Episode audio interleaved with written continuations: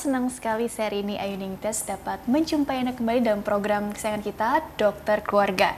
Disiarkan dari Studio L Sinta TV, 94,8 FM Fit Radio Bandung, dan 95,7 FM Fit Radio Semarang, pukul 9 pagi. Dan hari ini kita akan membahas mengenai kesehatan anak, yaitu seputar vaksin. Jadi bagi Anda yang ingin tanya, silakan kirim saja pertanyaan ke email kami di dokterkeluarga@tv@gmail.com ya. Dan acara ini juga bisa dinikmati di Spotify Dokter Keluarga. Dan hari ini narasumber kita adalah Dr. Mira Dewita SPA. Beliau adalah dokter spesialis anak di Rumah Sakit Hermina Jatinegara.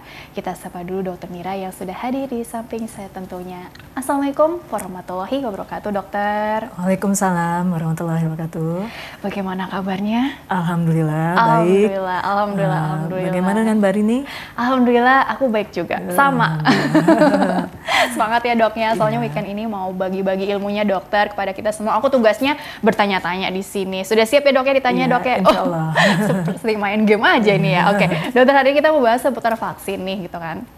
Karena hmm, pertanyaan di luar sana pasti begini. Ini kan vaksin kan memang sudah diketahui secara umum ya. Ini adalah kebutuhan setiap anak yang perlu dipenuhi oleh orang tua atau caregiver gitu ya. Nah, banyak sekali em, apa ya pandangan-pandangan yang kurang tepat juga gitu ya terkait dengan vaksin itu sendiri. Beginilah efek sampingnya, begitulah sehingga kadang-kadang membuat keraguan muncul. Eh, perlu nggak sih anak saya divaksin ini gitu barangkali karena khawatir dengan efek-efeknya tersebut. Sebetulnya vaksin itu sendiri apa sih dokter dan tujuannya si baby kita atau anak ini divaksin tuh apa sebetulnya? Jadi vaksin ini pengertiannya apa dok? Hmm. Baik, eh, sebenarnya vaksin itu eh, sebenarnya adalah salah satu cara untuk meningkatkan imunitas tubuh secara aktif.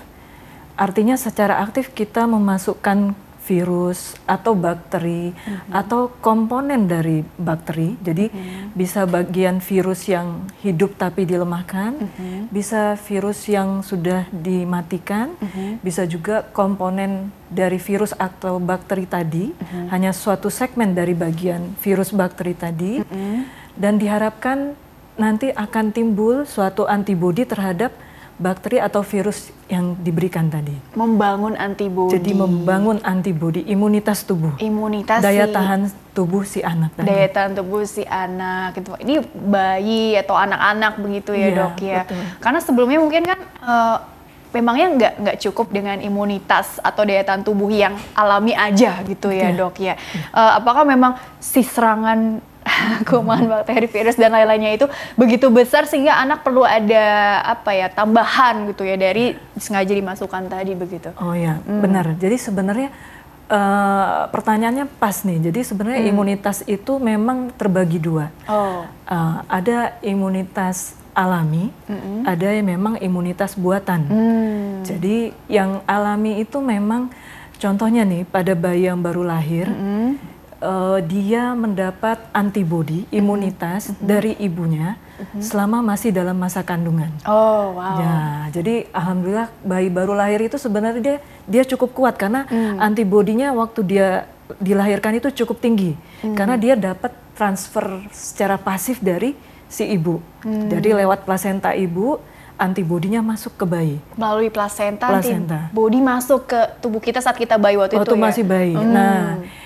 cuman sayangnya antibo- antibodi yang eh, didapat secara pasif tadi, Hmm. jadi tanpa usaha dari si bayi tadi, dia sifatnya gampang untuk eh, gampang untuk turun. Hmm, drop. Jadi dia akan lama-lama dia mulai menurun, menurun, menurun, akhirnya habis.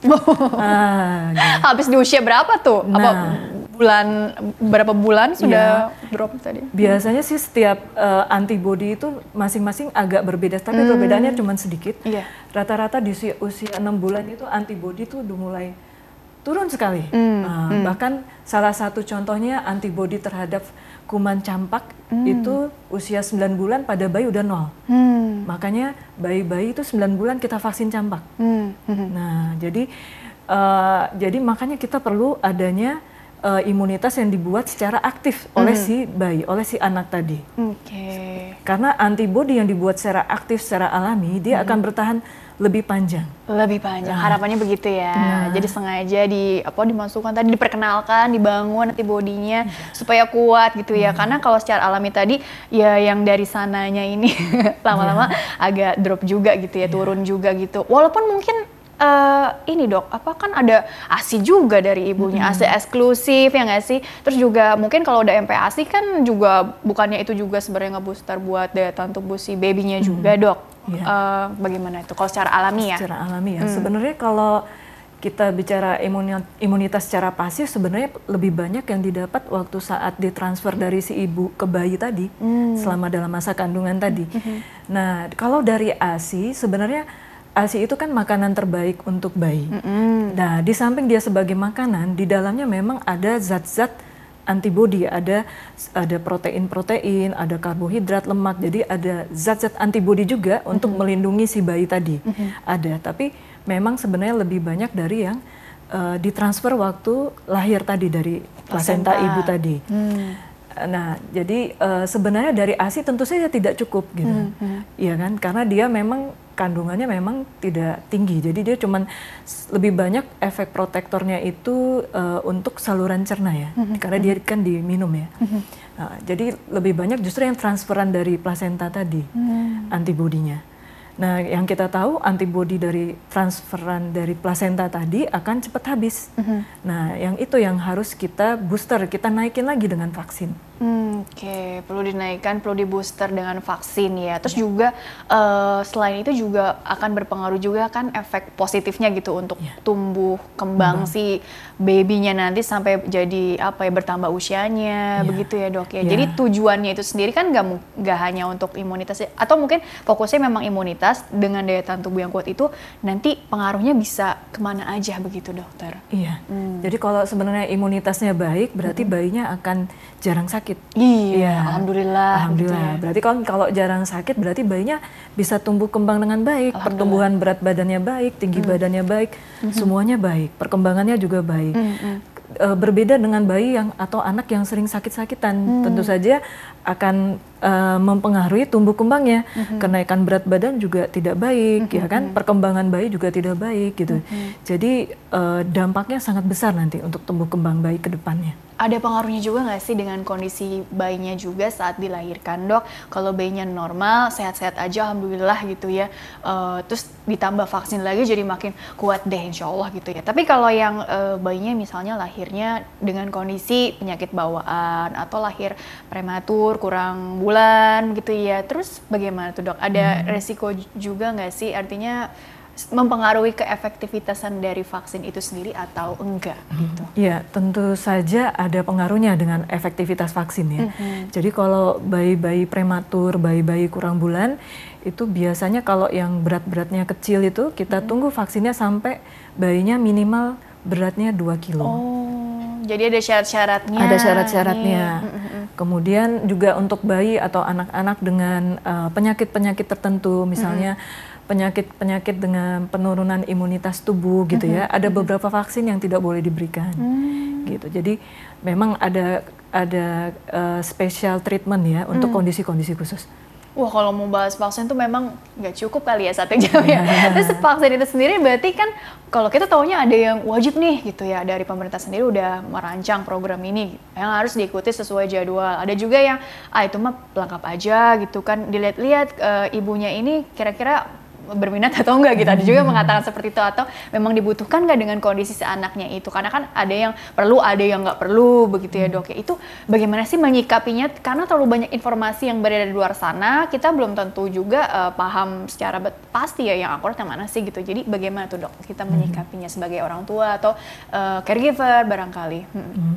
Jadi sebenarnya kalau mengenai jadwal vaksin ya, hmm. jadi vaksin itu sebenarnya apa yang ada di jadwal itulah yang diberikan. Mm. Jadi sebenarnya uh, tidak ada istilah yang ini wajib, oh. yang ini dasar, yeah, yeah, yeah. yang ini pilihan, mm -hmm. yang ini uh, anjuran, nggak ada, anjuran, nggak ada.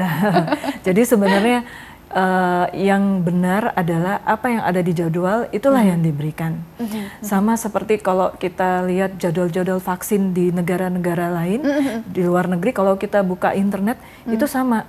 Jadi apa yang ada di jadwal itulah yang diberikan. Jadi hmm. kalau kita lihat tidak ada di dalam vaksin jadwal vaksin di luar negeri itu oh yang ini wajib, yang ini pilihan itu nggak hmm. ada. Hmm. Jadi apa yang dijadwal itulah yang diberikan. Jadi hmm. jadi nggak ada vaksin yang kurang penting gitu nggak ada. Iya gitu ya nggak nggak seperti itu ya. Jadi yeah. yang penting uh, sesuai jadwal yang barangkali ada apa sih kartu menuju misalnya ada kartu menuju sehat atau mungkin grafik untuk si babynya ini yang uh, intinya untuk membantu orang tua ah takut khawatir jadwalnya jadi molor atau mungkin lupa hmm. barangkali ya gitu kan nggak terlalu menaruh perhatian yang fokus ke situ gitu ya barangkali ada ininya juga guidelines yang bisa dipegang masing-masing hmm. orang tua begitu dok? Iya ada hmm. jadi ada jadwal vaksin itu bisa kita uh, download di internet bisa hmm. ya. Yang hmm. terbaru ini tahun 2017 Update. dari hmm. Ikatan Dokter Anak Indonesia ada. Indai. Bisa kita dapat dari internet, dari buku-buku biasanya buku-buku untuk bayi untuk anak di rumah sakit itu di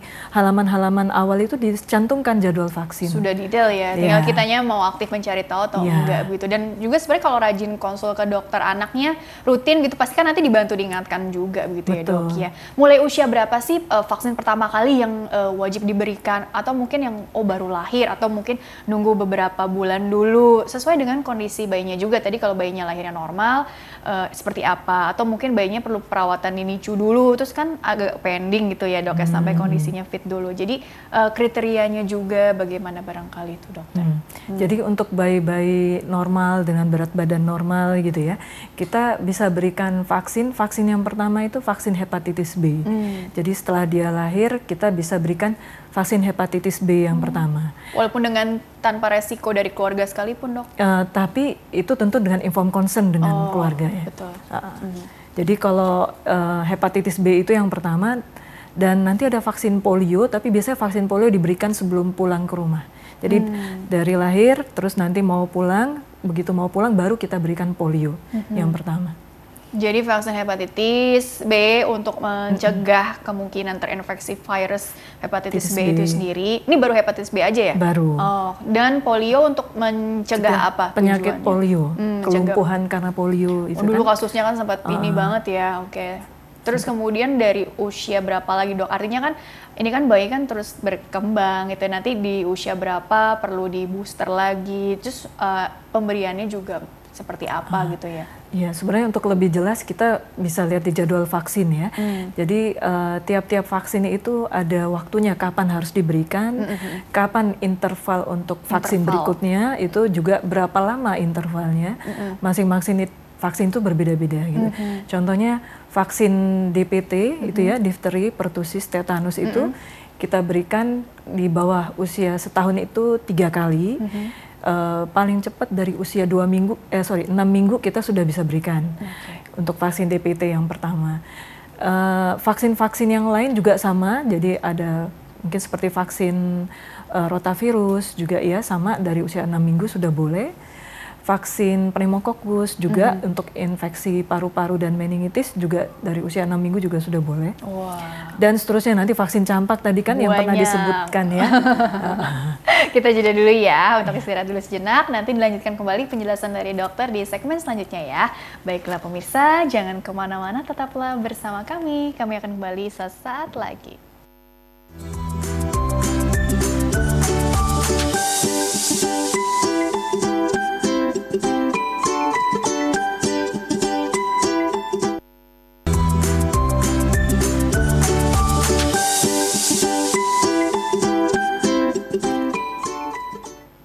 Ya pemirsa terima kasih Anda masih bersama kami program Dokter Keluarga masih membahas mengenai seputar vaksin ya bersama dengan Dokter Mira Dewita SPA, dokter spesialis anak di Rumah Sakit Hermina Jatinegara. Dan dokter dilanjutkan kembali ya. Jadi aku mau gali lagi informasinya lebih dalam lagi nih seputar apa sih manfaat dari vaksin itu sendiri gitu ya. Tadi memang sudah ditekankan uh, membangun antibodi gitu ya pada si anak gitu kan. Sebenarnya antibodi itu diperlukan untuk apa sih gitu kan membangun tentara-tentara itu ya dok yang ada di dalam tubuh untuk menangkal musuh kita gitu ya jadi sebenarnya uh, mengapa perlu sekali dan efek positifnya tadi ke tumbuh kembang anaknya mungkin perlu digali lagi lebih dalam lagi supaya kita jadi makin tercerahkan dokter silakan hmm, baik jadi sebenarnya vaksin itu ibarat sedia payung sebelum hujan hmm. gitu. hmm. jadi uh, jadi dia seperti pencegahan gitu ya jadi yeah. kalau hari hujan nggak ada payung Wah basah deh kan. Nah, jadi kita kan uh, jadi di, kita hidup di dunia ini sebenarnya tidak sendirian. Jadi uh, di udara ini yang kita hidup ini uh-huh. ada virus, ada bakteri, uh-huh. ada macam-macam, ada parasit, uh-huh. amuba, uh-huh. semuanya bisa menyebabkan penyakit. Uh-huh. Semua mulai dari yang ringan, sedang sampai penyakit yang berat bahkan yang bisa menyebabkan kecacatan bahkan ya fatal. Hmm. Nah, Gak nampak soalnya kan, iya. musuh yang tidak nampak. Tidak nampak. Goib, goib lagi. jadi lebih serem kalau nggak nampak ya. jadi jadi kita perlu suatu uh, sistem hmm. imunitas tubuh untuk melawan virus, bakteri, kuman tadi. Hmm. Jadi kalau kita sebenarnya gini, kalau uh, kalau anak terkena suatu penyakit, ya penyakit dia uh, membuat antibodinya lebih lambat. Hmm. Artinya gini, kalau dia baru terpapar dengan suatu virus atau bakteri, artinya dia terkena penyakit secara alamiah nih ya. Hmm. Dia terpapar oleh bakteri tadi, virus tadi, uh, dia untuk membentuk imunitas tubuh dia butuh hmm. waktu. Awal uh, saat pertama dia harus mengenali dulu dia mengenali ini virus apa, hmm. ini bakteri apa, hmm. gitu ya. Jadi uh, butuh waktu untuk mengenali. Setelah mengenali, dia akan timbul sel memori, sel ingatan hmm. untuk mengingat oh ini ada bakteri ini nih. Hmm. Nah ini namanya bakteri A misalnya. Hmm. Nah Kemudian dia butuh waktu untuk membentuk antibodi. Hmm. Jadi karena dia baru mengenali, antibodi pun terbentuk lebih lambat. Jadi antibodinya lambat terbentuk, uh, dan yang terbentuk cuma sedikit. Oh. Nah, kemudian sementara si virus si bakteri tadi mm-hmm. yang sudah masuk ke tubuh, dia berkembang lebih cepat. Dia memperbanyak diri, berkembang lebih cepat oh, sehingga dia ah, dia tinggi sekali jumlahnya di dalam tubuh. Mm-hmm. Nah, sementara tubuh si anak tadi yang baru di tahap mengenali, mm-hmm. tahap membuat sel memori, mm-hmm. tahap membuat antibodi yang jumlahnya baru sedikit, jadi mm-hmm. dia kalah balap-balapan ah, nih ya. Jadi kayak orang main balap, nah dia kalah duluan nih. Oh, kalah deh. Nah, okay. jadi uh, nanti setelah waktu agak lama baru antibodinya mulai naik, naik, hmm. naik dan dan itu pun biasanya si kumannya sudah membuat kerusakan di mana-mana. Agak telat ya. Nah, ya. karena telat tadi. Nah, kuman yang merusak itu sayang sekali dia bisa menyebabkan penyakit yang berat kan. Uh -huh. Kalau pada bayi, pada anak, kalau sakit itu biasanya bisa dapat bentuk yang berat-berat. Contohnya hmm. infeksi otak, ya ensefalitis, hmm. atau infeksi selaput otak, meningitis, hmm. Atau misalnya infeksi paru yang berat, pneumonia. Hmm. Jadi infeksi-infeksi berat tadi dia sifatnya bisa mengancam jiwa. Hmm. Jadi dia bisa menyebabkan kematian. Jadi contohnya penyakit pneumonia itu dia penyebab kematian tertinggi lima teratas pada anak di bawah lima tahun. Mm -hmm. Nah, contohnya itu. Kemudian selain itu, kuman tadi bisa menyebabkan kecacatan juga. Hmm. Jadi kalau sudah terkena infeksi otak, infeksi selaput otak gitu ya, kebanyakan outputnya nanti bisa timbul cacat. Jadi anaknya itu uh, perkembangannya langsung mundur. Mm -hmm. Jadi dia yang tadinya udah bisa jalan, udah bisa lari, dia setelah itu dia hanya bisa tiduran di tempat tidur. Allah, nah, gitu ya. Oh, jadi sebenarnya sih vaksin ini tujuannya juga artinya sebenarnya apa ya nggak berarti terlepas dari penyakit itu juga ya kalaupun yeah. terkena tadi bisa menekan supaya tidak terjadi atau terhindar dari komplikasi yang jauh lebih berat lebih begitu berat, ya terus juga tadi anggapan oh kalau virus kan self limiting disease nih gitu ya. hmm. ya bukan berarti self limiting disease tapi kita nggak perlu membangun antivirus Bud. atau antibody juga ya karena tadi balap-balapan uh. dengan kuman atau virusnya itu sendiri yang menggerogoti lah ya berarti ya yeah. berkembang biak tapi anak baru adaptasi pelan-pelan belajar yeah. gitu tubuhnya Benar. gitu ya dok ya nah, wah luar biasa ya mekanismenya dan, uh, dan masih ada tambahan ya uh, berbeda dengan kondisi anak yang sudah mendapatkan vaksin hmm. kalau dia sudah pernah mendapatkan vaksin terhadap virus atau bakteri yang tadi yang menyerang tadi, mm -hmm. nah pada si anak ini dia sudah punya sel memori. Sel memori. Dia sudah ada ingatan uh, virus atau bakteri tersebut. Jadi hmm. dia sudah kenal.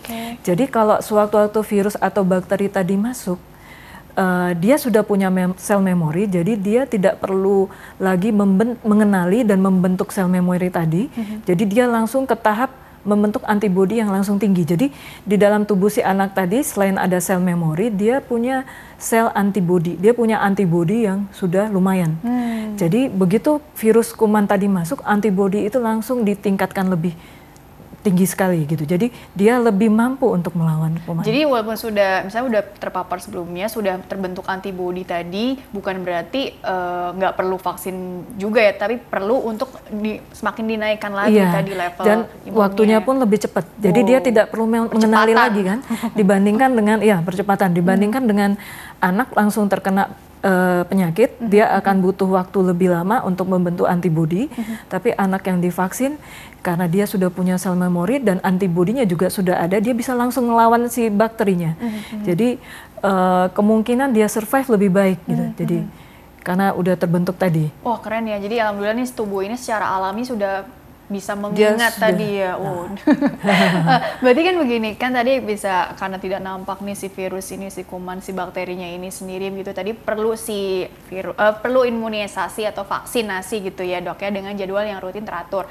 Nah, tapi tadi barangkali khawatir dengan efek samping segala macam. Ya sebenarnya sih kalau uh, demam atau mungkin rewel-rewel dikit itu sebenarnya kan umum ya dok ya atau bagaimana sih mengenali kalau oh memang ini ternyata reaksi di tubuh si anak kan uh, mungkin aja membuat dia nggak nyaman sehingga perlu follow up atau apa ya ada tindak lanjutnya lah konsul lagi ke spesialis anaknya itu kali yang perlu digali juga nih dokter kira-kira yeah. bagaimana tuh ya? Ya mengenai uh, efek samping vaksin memang kadang-kadang ada beberapa vaksin yang bisa menyebabkan panas misalnya. Hmm. Jadi uh, seperti misalnya vaksin DPT ya, hmm. tapi vaksin DPT juga ada vaksin yang uh, tidak panas, hmm. ada juga. Artinya kemungkinan panasnya minimal hanya 9%. Minimal, iya. Artinya dia kecil sekali menyebabkan panas. Hmm.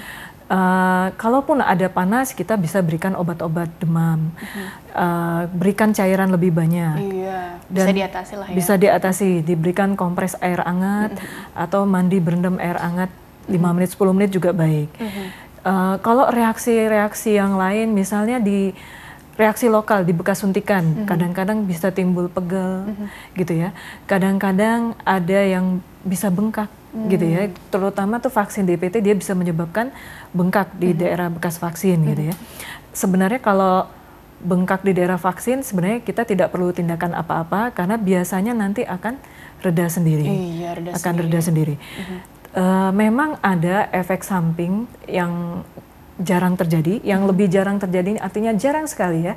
Contohnya itu reaksi-reaksi yang lebih berat, misalnya reaksi alergi yang hmm, berat. Hmm, hmm. Kita sebut reaksi anafilaksis. Hmm. Jadi kalau reak reaksi anafilaksis karena vaksin itu kejadiannya jarang sekali. Hmm. Selama saya berpengalaman praktek, dari awal sampai sekarang alhamdulillah tidak ada vaksin yang mengalami reaksi anafilaksis. Sedikit ya Ya, karena memang terbukti dia jarang Anafilaksis berarti apa alergi dengan reaksi alergi ya? hebat ya. Jadi hmm. kalau alergi hebat itu misalnya uh, dia anaknya uh, timbul reaksi alergi sehingga hmm. dia bisa kesulitan bernafas. Hmm. Jadi menyempit ya saluran menyempit saluran pernafasannya atau dia bengkak-bengkak gitu ya. Hmm. Kalau saluran nafas menyempit artinya kan dia uh, pasokan oksigennya jadi berkurang. Iya, nah, jadi agak mengancam juga iya, sih. jadi oh. kita uh, harus cepat kita tangani. Kalau di rumah itu jarang sakit, ya. Itu jarang, ya. hampir hampir selama saya praktek alhamdulillah tidak hmm. pernah ketemu. Alhamdulillah begitu ya. Nah kembali lagi mengenai tadi manfaat vaksin tadi kan bukan berarti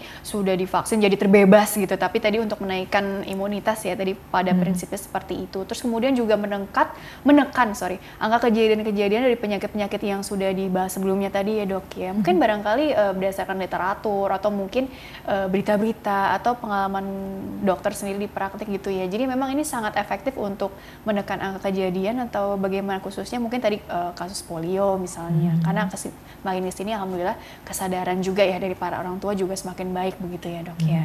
Hmm. Ya jadi sebenarnya vaksin itu tujuannya adalah uh, sebenarnya satu uh, supaya anak itu tidak terkena penyakit. Jadi mm -hmm. dia mengeliminasi penyakit-penyakit, terutama Betul. penyakit berat tadi ya. Mm -hmm. Jadi satu supaya anak tidak terkena penyakit. Mm -hmm. Yang kedua, kalaupun terkena penyakit, dia diharapkan terkenanya penyakitnya yang ringan. Mm. Karena dia tadi sudah divaksin. ringan gitu ya. Uh, karena dia sudah divaksin mm -hmm. tadi ya. Mm -hmm. Nah, tujuan vaksin yang terakhir uh, in, harapannya nanti penyakit-penyakit berat itu sudah tereliminasi artinya sudah tidak ada lagi anak yang menderita penyakit-penyakit berat Gak seperti tadi sekali. polio hmm, hmm. gitu ya misalnya TBC yeah. gitu ya hmm. uh, contohnya uh, penyakit uh, polio rabies hmm. atau contoh yang lebih baik lagi penyakit variola hmm. jadi uh, penyakit ini sekarang sudah tidak ada hmm. jadi dulu dulu vaksinnya ada hmm. tapi karena penyakit ini sudah musnah sudah tidak ada di muka bumi lagi, makanya vaksin variola itu sudah tidak ada, hmm. sudah di stop.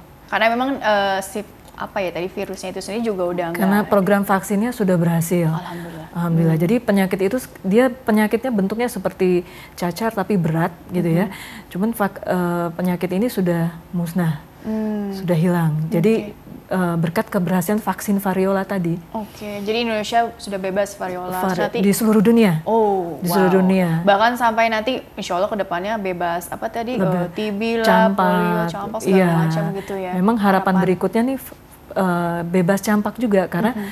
vaksin campak itu uh, dia virus campak itu hanya punya satu jenis serotype sehingga mm-hmm. cukup dengan satu jenis vaksin dia bisa musnah. Mm. Cuman sayangnya tadi ya mungkin ada yang ada orang tua yang belum memberikan anaknya vaksin yeah, yeah. atau ada orang tua yang vaksinnya belum dilengkapin untuk anaknya. Mm-hmm. Jadi akibatnya masih banyak yang kena campak mm. gitu ya. Hmm. Nah, contohnya sih itu. Juga kejadian polio juga menurun, juga sudah jarang kita dengar ada wabah polio iya, lagi. jarang ya. ya ada kejadian luar biasa. Polio udah jarang. Alhamdulillah. Uh, jadi sebenarnya tadi uh, mungkin tadi ya pentingnya meningkatkan informasi ya dok ya dengan mengakses yang sumber-sumber yang akurat tentunya mungkin bisa lihat di website IDAI juga kali ya dok ya. Terus ya, juga betul. intinya sih uh, ada kontraindikasi juga nggak sih? Mungkin uh, kondisi anak saya nih barangkali memang belum ini nih belum belum boleh divaksin nih karena mungkin apa dia lagi sakit atau mungkin lagi apa dulu yang artinya perlu dipending dulu nih dok gitu -hmm. karena itu sendiri bagaimana ya artinya persiapan fisik dan mental si bayinya juga yang perlu diperhatikan oleh orang tua barangkali ya yeah. supaya nggak rewel atau gimana barangkali iya yeah, benar jadi kalau vaksin pada anak yang sedang sakit kita tunda dulu -hmm. kita tunda sampai anaknya sehat baru kita berikan -hmm. jadi kalau anak sakit sembuh dulu saja. Mm-hmm. Jadi tidak usah khawatir vaksinnya akan terlambat, tidak usah khawatir karena mm-hmm. dalam vaksin itu tidak ada istilah terlambat. Mm-hmm. Uh, jadi bisa dikejar. Mm-hmm. Ada catch up immunization. Oke, okay. jadi ini kan apalagi di, bila dikaitkan ke seribu hari pertama kehidupan atau golden period mm-hmm. gitu ya dok. Ya, ini yeah. kan iya. juga asa asi asu lengkap deh. Intinya mm-hmm. memang ini uh, istilahnya kan sering ada pertanyaan ini apa apakah ini telat kalau misalnya anak saya begini begini begini gitu ya. Oke, kita langsung masuk aja deh ke pertanyaan dari email ya. Soalnya ini aku jadi keinget ini pertanyaannya juga mirip-mirip dengan pertanyaan aku hmm. tadi gitu ya. Langsung aja masuk ke kasus ya pertanyaan dari pemirsa ya. Jadi bagi Anda yang ingin bertanya via email, silahkan kirim saja pertanyaan ke email kami di dokterkeluarga@tv@gmail.com. Format lengkapnya ada di bawah ini, nama, usia anak Anda serta tempat tinggal Anda ya. Ini ada dua pertanyaan, dokter. Baiklah, ini pertanyaan dari Ibu Hanifah dari Jakarta. Pertanyaan seperti ini dok. Dokter, bayi saya usianya 2 bulanan dan belum vaksin BCG. Apakah vaksin tersebut bisa untuk mencegah uh, eh, TBC, TB, TB paru gitu ya? Apakah bayi saya perlu dites mantuk terlebih dulu dok? Terima kasih dokter. Oh, J. Oke, okay. jadi bagaimana tanggapannya untuk Ibu Hanifah dari Jakarta dokter? Baik, mm. uh, terima kasih Ibu Hanifah mm. atas pertanyaannya. Uh, mengenai vaksin BCG itu cukup efektif untuk mencegah penyakit TBC ya. Hmm. Di Indonesia kan kita memang uh, termasuk ranking 3 ya hmm. kalau nggak salah untuk penyakit TBC. Jadi kita memang banyak sekali penderita TBC hmm. di Indonesia ya. Jadi itu cukup efektif dan kalau misalnya dua bulan belum diberikan masih bisa diberikan uh, kecuali kalau usia bayinya sudah di atas tiga bulan baru kita perlu memberikan dulu tes mantuk. Hmm. Tes mantuk itu tujuannya untuk mendeteksi apakah di dalam tubuh si anak sudah terdapat kuman TBC. Jadi kalau ternyata tes mantuknya negatif, artinya hmm. anak anaknya bebas dari kuman TBC, hmm. kita bisa berikan vaksin BCG. Hmm. Jadi untuk dua bulan kita aman langsung memberikan vaksinnya, tidak perlu dites mantuk dulu apa mungkin ini dok eh, kriteria apa perlu tes mantuk atau enggak itu dilihat dari usia, usia tadi atau mungkin dilihat dari faktor resiko juga ya misalnya apa mungkin di rumahnya maaf ada orang dewasa yang pernah terinfeksi TB paru mm -hmm. sebelumnya kan itu juga mm -hmm. jadi khawatir juga kali ya mm -hmm. barangkali ada kaitannya nggak sih karena ini kan ditanyakan apa perlu tes mantuk dulu atau enggak mungkin barangkali ada faktor resiko yang menjadi mm -hmm. apa ya dilema di sini atau jadi rasa khawatirnya jadi lebih muncul begitu hmm. barangkali. Faktor resiko yang seperti apa yang perlu ditekankan juga dok uh, untuk ah. kasus ini? Oh ya, sebenarnya uh, kita kalau kita mencurigai misalnya pada ibu hamil dengan TBC misalnya, hmm. ya tentu saja nanti bayinya harus kita lakukan tes juga.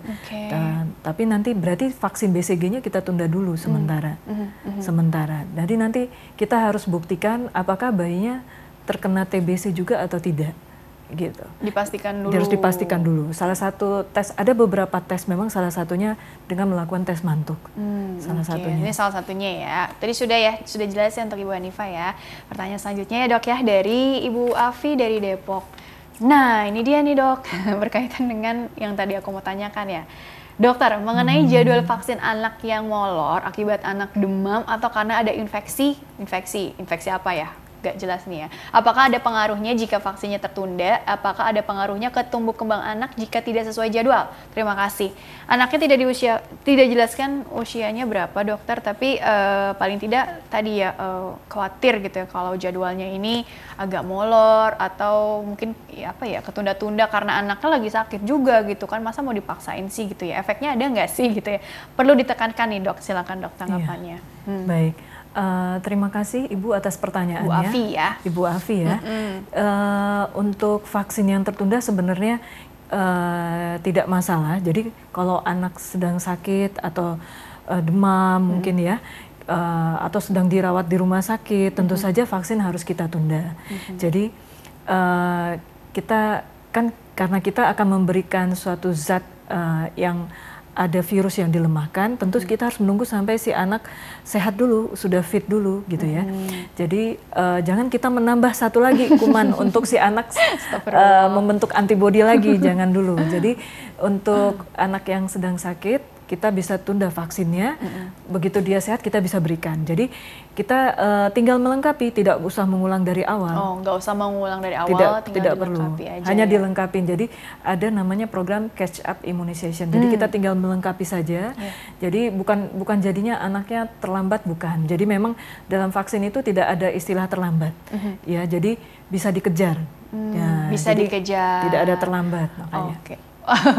bisa diberikan. Uh, mengenai ini juga nih yang ditanyakan nih, uh, vaksin itu kan ada yang diulang gitu ya, ada di booster atau enggak gitu kan. Terus tadi intervalnya berapa itu kan memang detailnya ya kita lihat aja di data pastinya ya gitu ya. Tapi pada intinya tuh uh, mengapa perlu ada yang ber berulang gitu yang kedua hmm. ketiga gitu jadi proses pembangunan antibodi tadi mungkin kalau dibilang dari apa ya persentase gitu ya atau kalau kita ngisi bak air nih uh, segini dulu atau katanya nanti naik lagi gitu bener kan hmm. jadi analoginya tuh seperti apa supaya kita jadi makin hmm. oh begitu toh ternyata harus hmm. berulang dalam jangka waktu yang seperti itu dan kenapa mesti dikasih jeda yang cukup lama ya berapa hmm. bulan tujuannya apa sih gitu ya supaya kita yeah. jadi ya. makin paham nih di sini yeah. hmm. baik jadi sebenarnya kalau mengenai kapan harus diulang, interval berapa lama, sebenarnya hmm. itu dari hasil penelitian. Jadi hmm. setelah diteliti oleh si pembuat vaksin gitu ya, jadi penelitian itu melalui proses yang cukup lama. Jadi di, dengan penelitian di hewan percobaan, yeah. setelah itu nanti setelah keamanannya sudah aman, baru di benar di populasi di manusia ya di kita. Hmm. Nah sebenarnya dari penelitian itu terlihat ternyata contohnya misalnya vaksin influenza. Mm-hmm. Nah, vaksin influenza itu uh, dia salah satu vaksin yang salah satu tujuannya sebenarnya juga untuk mencegah pneumonia infeksi paru berat. Mm-hmm. Nah, vaksin influenza itu bisa diberikan dari usia enam bulan. Mm. Jadi pemberiannya adalah kita berikan dua kali dengan jarak satu bulan. Jadi intervalnya satu bulan. Kenapa harus diberikan dua kali? Ternyata pemberian vaksin pertama, dosis pertama, itu dia hanya vaksin itu membentuk sel memori tadi sel ingatan tadi. Uh-huh. kemudian dia meningkatkan antibodi tapi antibodinya baru sedikit. Jadi baru naik sedikit aja. Mm-hmm. Nah, dengan kita berikan dosis kedua jarak satu bulan tadi, dosis uh, vaksin polio, eh, vaksin influenza kedua, antibodi itu akan naik dengan cepat, naik tinggi sekali, mm-hmm. sampai hampir mencapai 80-90 persen. Mm-hmm. Jadi itu tinggi sekali. Jadi makanya dia harus diberikan dua kali. Okay. Nah, begitu juga dengan vaksin-vaksin yang lain. Kenapa harus diberikan dulu DPT yang pertama? Kenapa ada DPT yang kedua? Mm -hmm. DPT yang ketiga. Jadi setelah DPT yang ketiga itu antibodinya udah naik tinggi tuh, mm -hmm. tinggi sekali. Mm -hmm. Nah, itu kan uh, eh, DPT pertama, kedua, ketiga itu kan diberikan sekitar usia 2, 4, 6 bulan ya. Mm -hmm. Nah, nanti di usia 18 bulan, satu setengah tahun, ada DPT booster yang keempat. Nah, kenapa harus diberikan booster di situ? Ternyata dari penelitian waktu di usia 18 bulan tadi antibodi DPT terhadap kuma, uh, terhadap bakteri DPT tadi mulai turun. Hmm. Jadi kalau antibodinya mulai turun di situ kita kasih boosternya booster. untuk menaikkan lagi. Oke, begitu ya nah, ya prinsipnya ya. Iya. Jadi udah paham ya insya Allah ya. ya. Baik dokter kita jeda dulu sebentar, dilanjutkan di segmen terakhir ya dok ya. Baiklah pemirsa jangan ke mana-mana, tetaplah bersama kami, kami akan kembali sesaat lagi.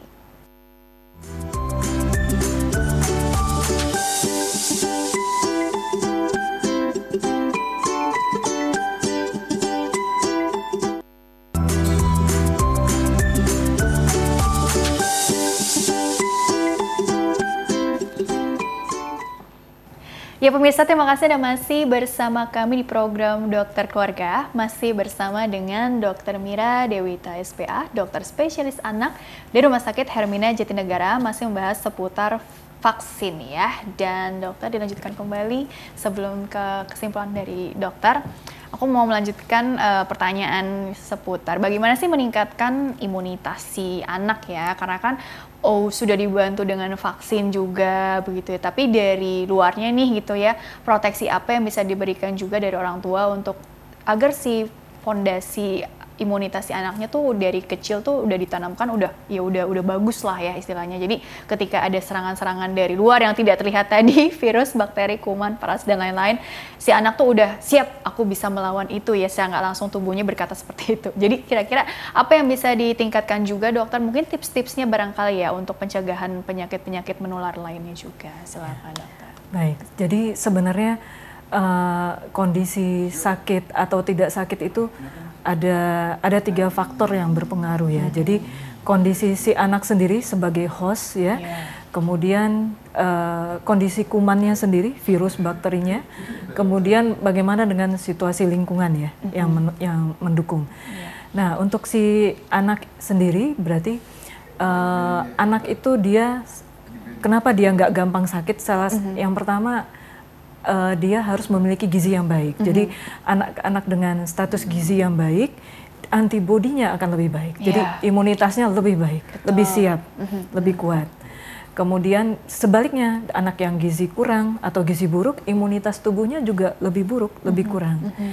Jadi yang pertama harus dilakukan adalah si anak harus dijamin dia mendapat uh, gizi asupan yang baik. Yeah. Mulai dari nutrisi lahir, yang nutrisi hmm. yang bagus dengan pemberian ASI saja sebenarnya dengan pemberian ASI eksklusif itu bisa uh, pada bisa mencegah bayi ASI tidak akan terkena penyakit diare selama enam bulan pertama. Hmm. Jadi jadi pada ibu-ibu yang ASI eksklusif biasanya enam bulan pertama bayinya tidak akan pernah terkena penyakit diare mm-hmm. selama ibunya bersih ya. Mm-hmm. Uh, jadi setelah enam bulan mulai dia ma- dapat makanan pendamping, nah barulah nanti mulai sakit bisa bisa mulai sakit biasanya. Jadi pemberian ASI itu penting dan jangan lupa juga untuk mendukung gizi anak pemberian MPASI juga yeah. Uh, seharusnya diberikan yang terbaik ya dari usia 4 atau enam bulan itu juga jadi berikanlah uh, makanan seimbang gitu ya. Hmm. Jadi gizi yang cukup untuk anak sehingga antibodinya pun lebih baik. Itu yang pertama. Yang kedua uh, berikan pencegahan vaksinasi. Pencegahan itu sampai sekarang dalam dunia kedokteran kita baru mengenal vaksin gitu. Jadi kita belum tahu cara yang lain. Hmm. Jadi karena kita uh, Uh, sudah punya cara vaksin ya jangan lupa vaksinnya dilengkapin untuk mencegah jangan sampai si anak terkena penyakit yang berat tadi mm-hmm. ya kalau seperti tadi saya terangkan kalau anak divaksin dia uh, vaksin itu kan hampir tidak menyebabkan sakit kan. Uh -huh. Tapi kalau anak divaksin oleh si kuman, artinya uh -huh. kumannya masuk ke tubuh, jadi dia terkena penyakit secara alamiah, itu uh, dia bisa menimbulkan kecacatan kan, bisa bikin penyakit berat, bisa membuat kecacatan. Berbeda sekali dengan vaksin. Vaksin kan tidak bikin kecacatan. Uh -huh. Vaksin vaksin uh, hampir dengan efek sampingnya hampir minimal ya, paling demam pada vaksin tertentu ya. Uh -huh. Jadi yang satu kalau kita tidak memberikan vaksin, ada kemungkinan si anak akan terkena penyakit dan penyakit itu bisa menyebabkan kecacatan. Belum lagi biaya perawatan yeah. untuk penyakit-penyakit berat tadi ya akan mm membebankan suatu keluarga dan uh, hasil akhir membebankan suatu negara. Mm -hmm. gitu. Kemudian yang ketiga pencegahannya uh, lingkungannya. Jadi harus rajin cuci tangan pakai sabun. Benar. Jadi uh, mau pegang anak cuci tangan dulu pakai sabun, ya. mau hmm. memberi makan, mau menyiapkan makan, hmm. cuci tangan pakai sabun. Jadi harus rajin dengan yang simpel aja cuci tangan pakai sabun. Kemudian baru kebersihan yang lain-lain seperti alat-alat makan ya, hmm. penyiapan makan yang bersih dan hmm. seterusnya. Jadi lingkungan yang bersih. Orang intinya orang dewasa di sekitarnya juga harus menjaga kesehatannya karena kan ya. resiko menularkan ke babynya yang masih rentan tadi begitu ya. Betul sekali karena bayi hmm. dan anak itu masih rentan. Intinya sih uh, perhatikan nutrisi, zat gizi yang seimbang untuk bayinya, ASI eksklusif, MPASI, vaksinnya itu sendiri, proteksi perlindungan yang lain-lain tadi yang perlu diperhatikan, hmm. misalnya rajin cuci tangan, kebersihan segala macam ya dok ya. Hmm. Intinya seperti itu. Soalnya kalau udah kena penyakit, tadi kan yang rugi artinya beban buat hmm. biaya ya biaya diri sendiri, keluarga, hmm. bahkan keluarga. Uh, tadi yeah. negara gitu ya. negara. ya. Oke deh dokter karena waktunya juga terbatas ya. Jadi sih pada intinya sih hmm, untuk ini sih mencegah ke depan yang lebih buruk gitu ya dok ya. Yeah. Intinya kesimpulan yang bisa dokter sampaikan mengenai vaksin itu mungkin harapannya juga kali ya Indonesia bebas penyakit semuanya tuh yang terkait dengan infeksi barangkali ya mungkin bisa ditekankan sekali lagi closing statementnya singkat saja dokter iya yeah. jadi uh, jangan lupa uh, ibu-ibu bapak-bapak sekalipun di rumah hmm. jangan lupa untuk melengkapi vaksinasi bayi dan balitanya sehingga bisa mencegah terkena penyakit yang berat sehingga dia bisa tumbuh dengan sehat, yeah. tumbuh baik dan produktif di masa mendatang. Amin ya rabbal alamin. Jadi menciptakan generasi masa depan yang, yang lebih unggul gitu yang ya. kuat ya. Ah, Oke, okay. kurang lebih seperti itu ya dok ya. Ada lagi yang ditam ditambahkan? Uh, sudah. Sudah cukup, cukup. ya. Oke, okay, baik dokter. Terima kasih telah berbagi ilmunya di sini dokter. Insya Allah membawa banyak manfaat untuk orang banyak sukses dan berkah selalu untuk hmm. dokter dan ilmu dokter selalu ya. amin. Baiklah. Iya. Pemirsa, terima kasih juga Anda telah mengikuti program ini. Saya Rini Ayuningtyas beserta seluruh kru tugas mohon undur diri dari hadapan Anda. Terima kasih dan sampai jumpa.